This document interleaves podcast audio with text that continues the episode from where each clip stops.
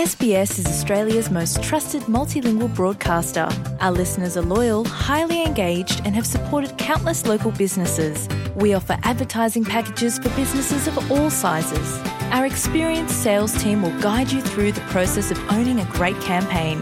Bring your own ad or have our production team make you something in one of our 68 languages.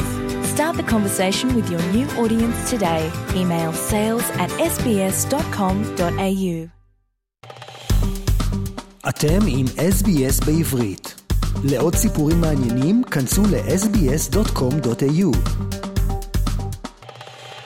We are joined now by Lior Hayat, the spokesperson of the Israeli Ministry of Foreign Affairs. Shalom Lior, and thank you so much for joining us today. Hello, good morning from Jerusalem. Before we begin to discuss on our topic, would you like to explain to our listeners what are the main functions of the spokesperson of the Israeli Ministry of Foreign Affairs? Well, the spokesperson of the Israeli Ministry of Foreign Affairs is the official voice of the state of Israel. Uh, he represents the Israeli government and uh, the Israeli society uh, in the international media. Uh, this is a function that I've been uh, doing for the last four years, both in times of uh, peace, as we've seen in the Abraham Accords, but unfortunately also in times of war. So, as you mentioned, you are the official voice of the state of Israel. And many Israelis and Jews around the world who, of course, live overseas feel that the Israeli Hasbara doesn't work very well. The vast majority of the social media, as well as of the mainstream media, seems to be anti Israeli. How do you tackle this well known issue, and what is your opinion? First of all, I, I have to say I don't agree with the initial assumption. The Israeli public diplomacy is functioning, and most of the people around the world support Israel, especially in the Western world, uh, because they see the reality as is uh, been shown in a very clear way on the October 7 massacre. Uh, we also see that in the, the global media, and it's true that not everyone supports Israel, but the vast majority of people around the world in Western countries and we see that in surveys that we're doing all the time, supports Israel, condemns Hamas, and supports Israel right to uh, self-defense and to defend its uh, citizens. What we're doing here since October 7 and always, but since October 7 uh, specifically, it's uh, to uh, tell the story of Israel and of the Israelis to the world. Since October 7, the Israeli spokes uh, people around the world from here in the headquarters in Jerusalem and uh, from our embassy, 108 embassies and consulates around the world, have given over 11,000 interviews in more than 50 languages. Our social media activity reached over 3 billion people uh, around the world. It's true. We see that there's a, there's a lot of activity, anti-Israeli activity, and sometimes anti-Semitic activity on social media, and it's hard to uh, uh, fight against those numbers because we are around 15 million Jews around the world, and there are more than uh, 600 uh, million Muslims. But we, as uh, the support for Israel in the international community, and especially in the, in the Western world, is strong. One of the evidence for that is the list of world leaders that have uh, arrived in Israel uh, in the last 100 days to stand by Israel, to show their support. We're talking uh, about over 100 official visits of presidents, uh, prime ministers, foreign ministers, uh, parliamentary uh, parliamentary delegations that have arrived in Israel. Most of them have visited the communities in the south of Israel that were affected by the October 7th massacre. All of them have met with the families of the hostages and with survivors of the massacre. In order to hear in first hand uh, what happened here in Israel on October 7th, and it's an, an important message that not only for the people of Israel, to the, the entire world, that Israel received uh, strong support from the international community in its uh, uh, in this situation to achieve the goals of the war, which are three. The first one is to eliminate Hamas from the Gaza Strip. The second one is to, to release each and every one of the hostages. And the third one is to change the reality of the Gaza Strip so it will never again be a source of threat to Israel and to the Israeli uh, society. Australian Minister of Foreign Affairs Penny Wong just visited Israel. A very short visit, and she did not visit Otef Aza.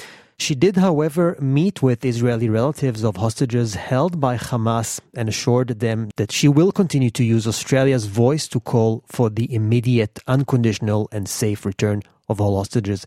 What is your opinion about that? Uh, I, I don't want to go into the, the specifics of this visit. I wasn't part of it. I know that she was here. She met with the foreign minister of Israel, uh, and I think that every visit is important because once you're visit Israel, once you see what what you once you meet with the uh, families of the hostages, once once you understand the severity of the situation of the hostages that are still 104 days after the October 7 are still held by terrorists, it uh, change your opinion. I've been in meetings in, with other world leaders that while sitting with the families of the hostages and the survivors, they started to cry. They did not realize, although they were very well informed before the meetings, they did not really uh, realize how bad the situation really was.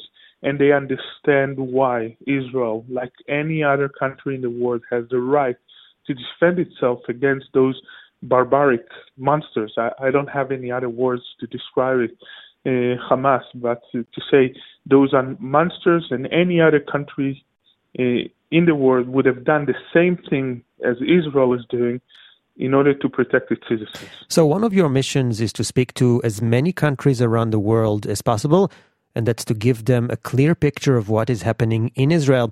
And I believe you spoke already to the Australian media, correct? Yeah, I've given interviews, over 500 interviews since October 7th, and from China, Japan, and uh, Australia, New Zealand in the east through uh, Europe, Africa, the Middle East, uh, till until the, the United States, Canada, and uh, in South America, Latin America. And I, I really have to say that most of the interviews, not all of them, but most of the interviews are were very open to hear the, the message coming from Israel the message coming from the Israeli government and the message coming from the Israeli society. And I do think that there is a change. I know that we spoke about the public image of Israel uh, earlier. There is a change also in world media regarding Israel. We've seen outlets that used to be very critical with Israel in the past that now are leading a pro-Israeli um, um, uh, line because they understand that October 7 massacre changed everything here. And no other country in the world would expect, accept living in a reality in which there is a monster on the other side of the fence waiting to come and kill you over and over again. And it's not just me saying that because the Hamas leadership are repeatedly saying it out loud. Their goal is to return to the October 7 massacre. Their goal is to uh, kill Jews in wherever they are in Israel and around the world, and we have to do everything in our power in order to stop that. And we're speaking to Lior Hayat, the spokesperson of the Israeli Ministry of Foreign Affairs in Jerusalem talking about Australia, many who live here come from different backgrounds. We live among uh, different cultures, Jews, Muslims, Christians, and so on. Lately, we see more and more major rallies, both pro-Palestinians and pro-Israelis. They seems to be escalating from week to week. What would be your message to all of them? Well, I, I before talking directly about Australia, and I will, and uh, I want to say that in this situation, in the, after October 7, there is no middle line. You either stand with Israel and its right to self-defense, or you're standing with Hamas. After what happened on October 7, after Hamas invaded Israel, massacred, executed, burned alive, raped, and killed over uh, 1,200 Israelis, uh, there is no excuse for that. And we've seen those kind of demonstrations uh, in different kinds of parts of the world. Most of them are by Muslims uh, and not by the local society. And unfortunately, it represents also a threat to the local societies in Western world. One of the, the amazing things I've saw in surveys we're doing, surveys we're doing is that in, in France, for example, 62% of French people are afraid the October 7 massacre could happen in France itself. This is that's why when we say West is next, when we say that if we don't win the war against terrorism, it can attack and can hurt any other country in the world, this is exactly what we mean. If we don't put a stop to uh, this kind of barbaric uh, terrorism like Hamas is rep- represents, the next attack won't be in Israel. It will be in the Western world. What about all those young students in elite universities? We all see what they do protests, demonstrations, and so on. Are you trying to do anything about young students all around the world? We do. I think there is also a change in universities. It will take time because for many years we have not done enough in order to uh, combat anti Semitism in uh, university campuses. We're changing that. But I think that uh, what happens in, especially in the United States, but not only in the United States, is that we walk up to a reality where anti-Semitism is acceptable in some universities, and this is some a reality that we cannot accept. And there is a work that is being done. Uh, both from Israel, but especially from the countries themselves.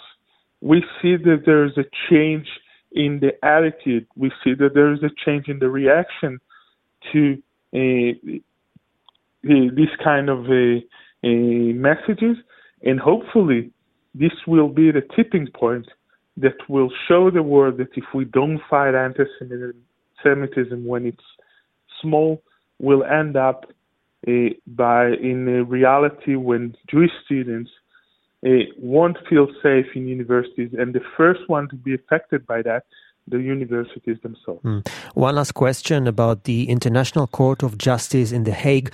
The whole world follows this at the moment. Um, that's, of course, where Israel is accused of a genocide. You were there with the Israeli delegation. Why did Israel agree to defend itself to begin with? First of all, we think that the anti-genocide convention is a very important one. Israel was one of the first countries to uh, sign it and to defend it because it was created as a result of the Jewish Holocaust in the Second World War. Uh, and we decided to defend ourselves because we have nothing to hide. We are there to defend our people. We are not, we are, this conflict uh, that we are living in in the last 104 days is imbalanced.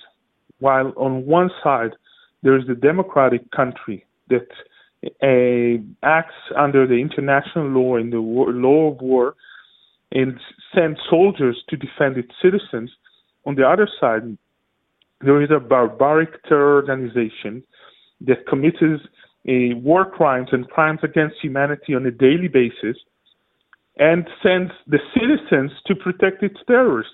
And we've shown that. And, and I want to add something else because what South Africa did is a, disgrace. There, there's no other word to say that. Actually, South Africa should be on the other side of the court, should defend itself because South Africa is the legal arm of a terror organization of Hamas. And Hamas called for a genocide of the Jewish people in Israel and around the world. It's part of the, their uh, platform. And if South Africa supports Hamas, who calls for genocide, Hamas, uh, South Africa is in violation of an, the anti-genocide uh, convention and should defend itself. And unfortunately, and I'll say it in a very clear way, this is a, a symbol of where you should follow the money because a, a few months ago, the South African leading party was in economical crisis. They could, they were very close to not being able to present themselves to the next elections. And all of a sudden, after attacking Israel, these parties stated that their economical difficulties are over. So probably they are being paid from I don't know who to attack Israel. This is a disgrace for the ICJ, the International Court of Justice, and it is a stain on the history of South Africa for generations to come. Mm. Lior Hayat, the spokesperson of the Israeli Ministry of Foreign Affairs. Have you been to Australia before? Not yet, but I'm waiting for my first visit. Okay, maybe soon. Lior Hayat, thank you so much for speaking to us today. Thank you, and shalom again from Jerusalem. רוצים לשמוע עוד סיפורים? האזינו דרך האפל פודקאסט, גוגל פודקאסט, ספוטיפיי, או בכל מקום אחר בו ניתן להאזין לפודקאסטים.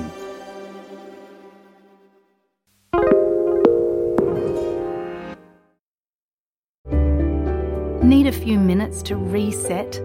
Great Minds is a podcast from SBS that guides you through different meditation styles from around the world. Listen wherever you get your podcasts.